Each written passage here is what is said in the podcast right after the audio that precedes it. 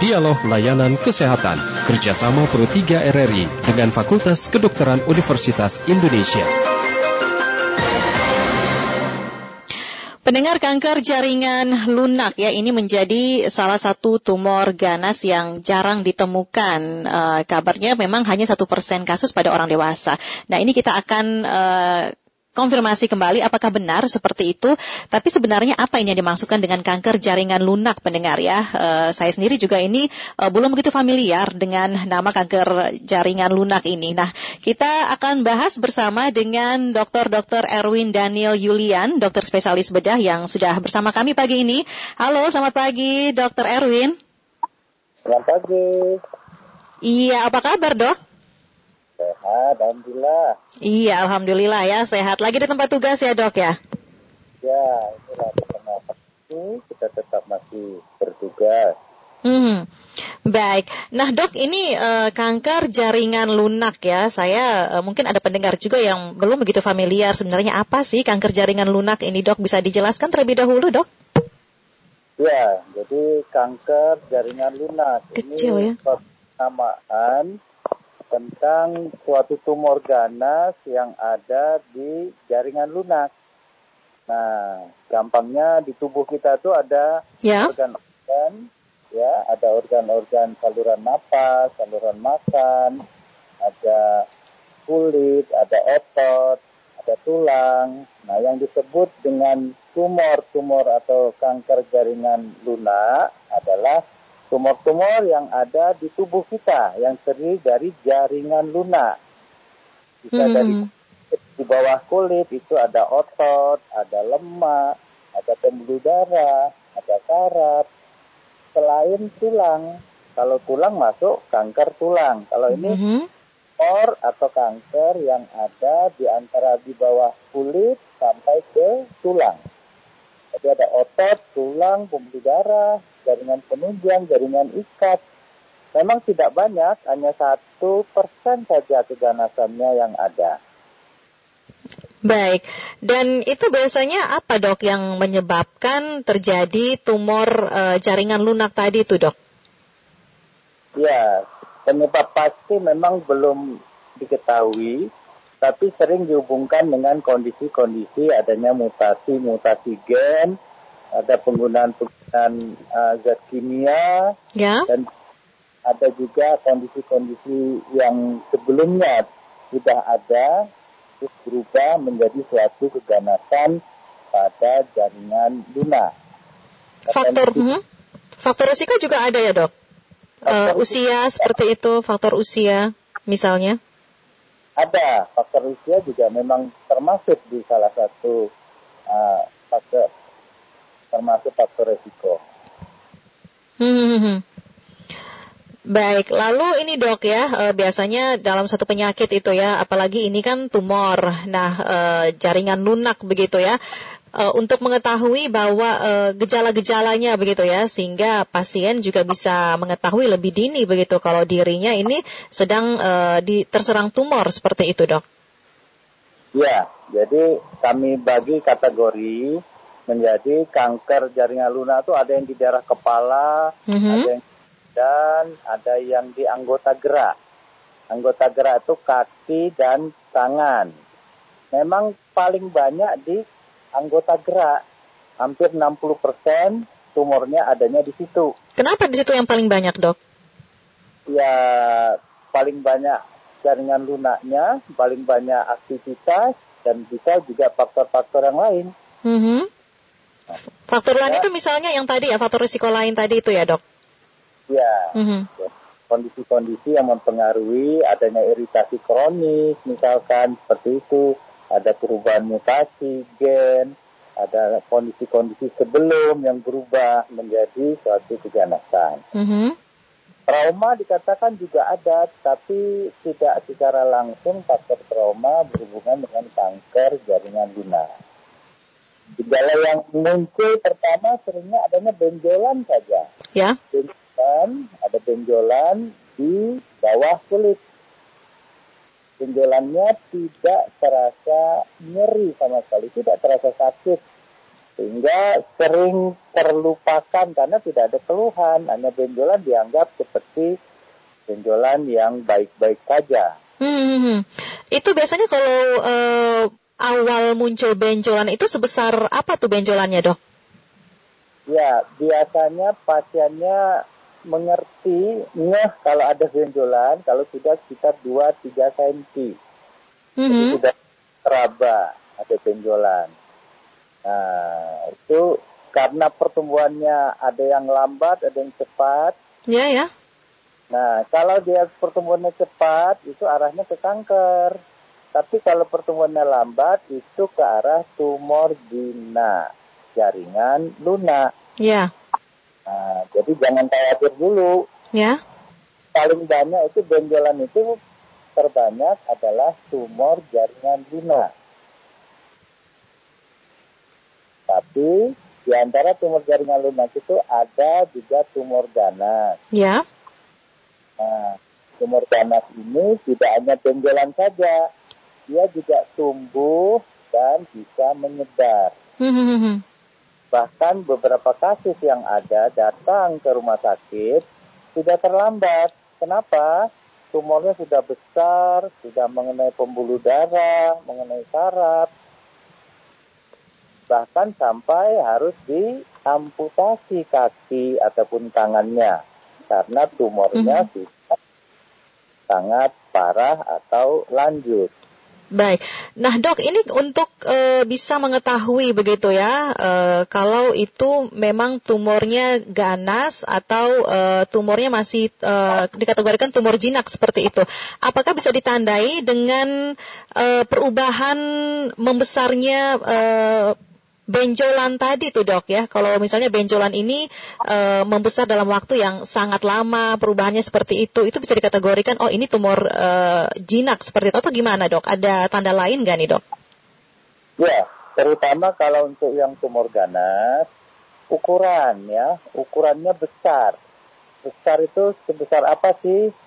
Ukurannya sudah sebesar bola golf.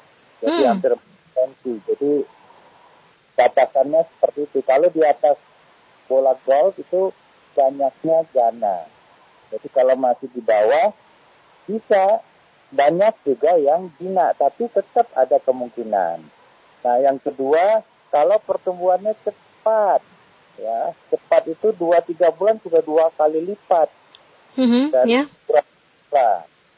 Kemudian lokasi tumornya tidak di permukaan, tidak terlalu jelas batas-batasnya karena dia tumbuhnya ke dalam dan benjolannya nggak bisa digerakkan.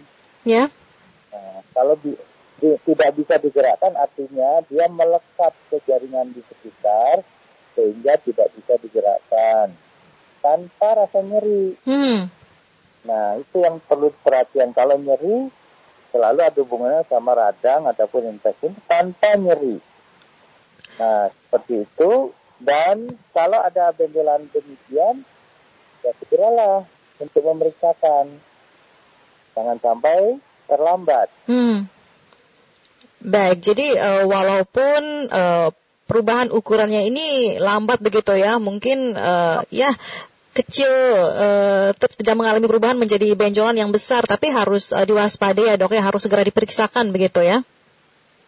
Ya, betul segala benjolan yang ditemukan, periksakanlah ke tenaga kesehatan terdekat.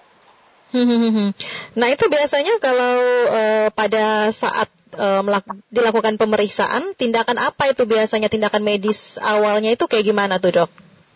Ya pasti akan diperiksa dokter, akan ditanya, kemudian dokter akan memeriksa. Memeriksa itu apa sih yang diperiksa? Mm-hmm pergerakannya, besarnya, lokasinya di mana, kira-kira pergerakannya seperti apa, melekat apa tidak. Nah berikutnya akan ada pemeriksaan imaging atau pemeriksaan pencitraan biasanya dengan USG. Yang paling ringan itu di USG dulu. USG dulu, ha? Nah, atau di ronsen dulu, ronsen foto polos saja dulu melihat. Nah, lanjutannya bisa diperiksa MRI kalau dicurigai suatu tumor ganas. Nah, lanjutannya apa? Lanjutannya di biopsi. Biopsi itu diambil sedikit supaya tahu jenis dan tipenya. Ya. Betul ganas atau tidak. Baik. Lalu untuk e, pengobatannya ini kalau yang e, kalau sudah tahu ya kalau masih jinak misalnya itu bisa dengan terapi obat-obatan saja atau gimana dok? Ya, kalau memang terbukti itu suatu tumor jina, paling banyak itu di masyarakat itu tumor jina itu namanya lipoma. Lipoma itu tumor jina jaringan lunak. Banyak didapat di bawah kulit, bisa di badan, bisa di kaki, di tangan benjolannya sekitar 2-3 cm seperti mm -hmm. itu. Kalau di perut itu termasuk? Di perut tapi di dinding perut, bukan di dalam perut.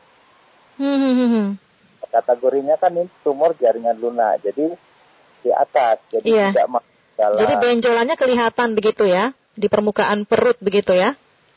Bisa, kalau sudah besar, kalau kecil ya teraba. Jadi mm -hmm. tidak terlihat kadang beberapa pasien itu benjolannya banyak bisa di perut, bisa di kaki, di tangan, seperti itu.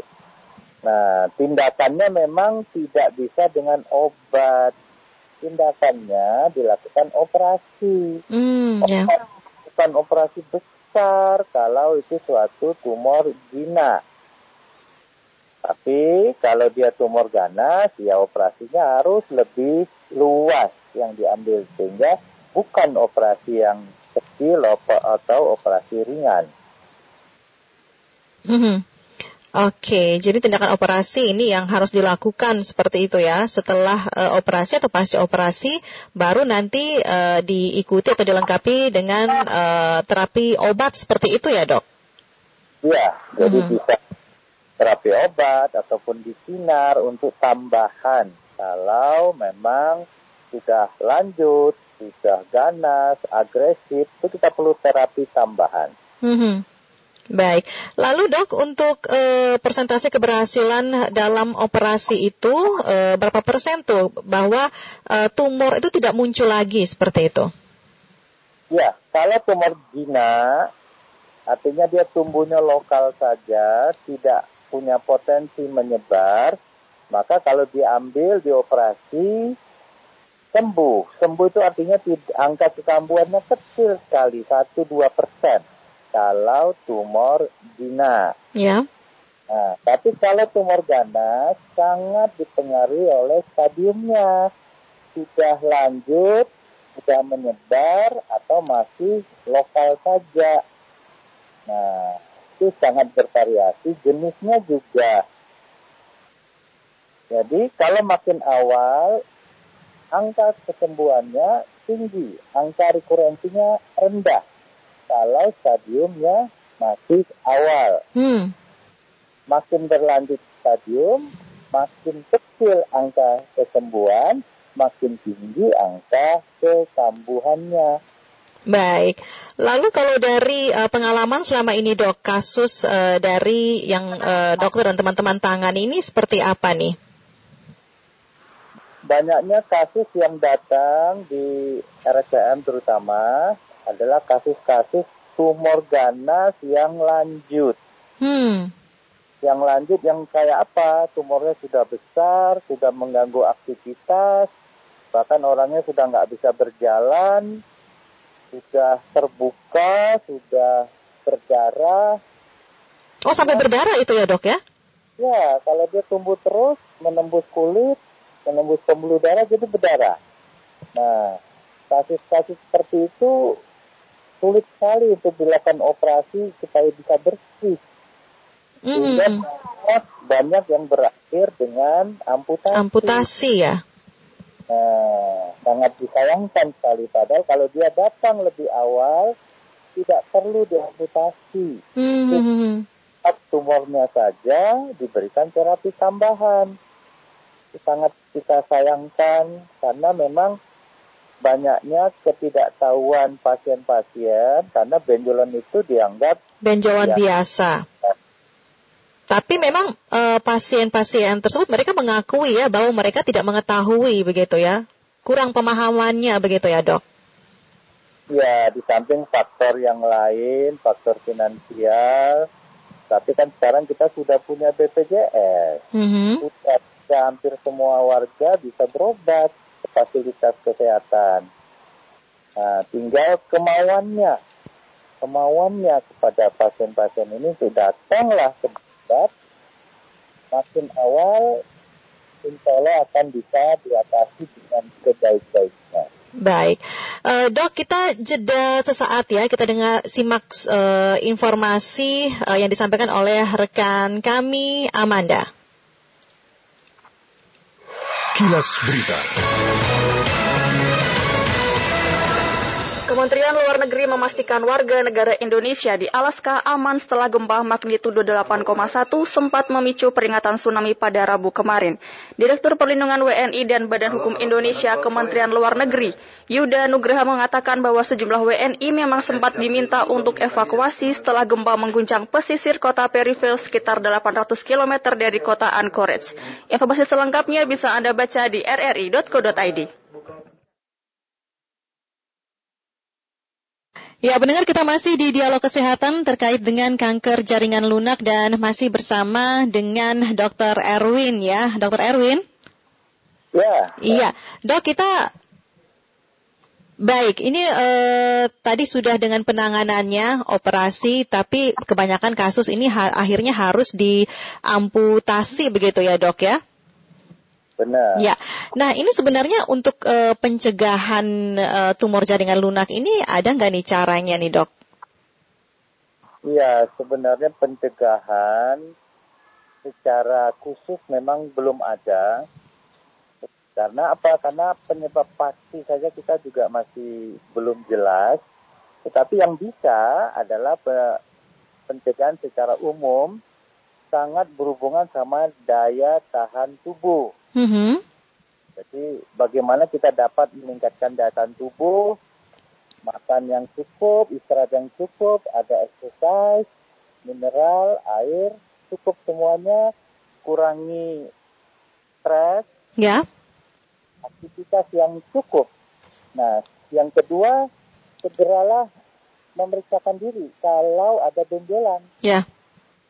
Nah, benjolan apa pun diperiksakan dan jangan dan diingat benjolan itu pun selalu tidak harus tumor, masih bisa radang Ya. atau penyebab-penyebab lain.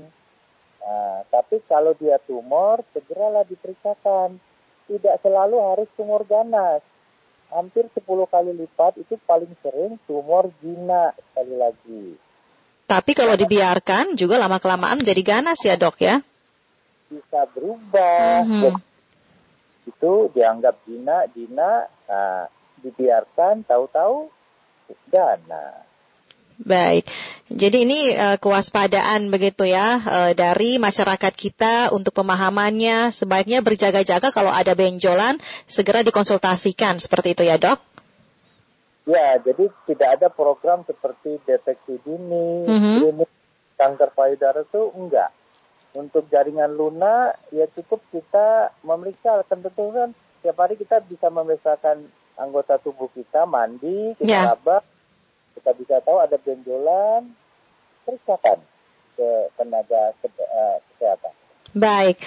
Oke dok, terima kasih untuk informasinya pagi ini tentang eh, kanker jaringan lunak ini ya dok. Eh, mudah-mudahan bermanfaat untuk pendengar yang eh, sudah menyimak bersama kita pagi ini dok.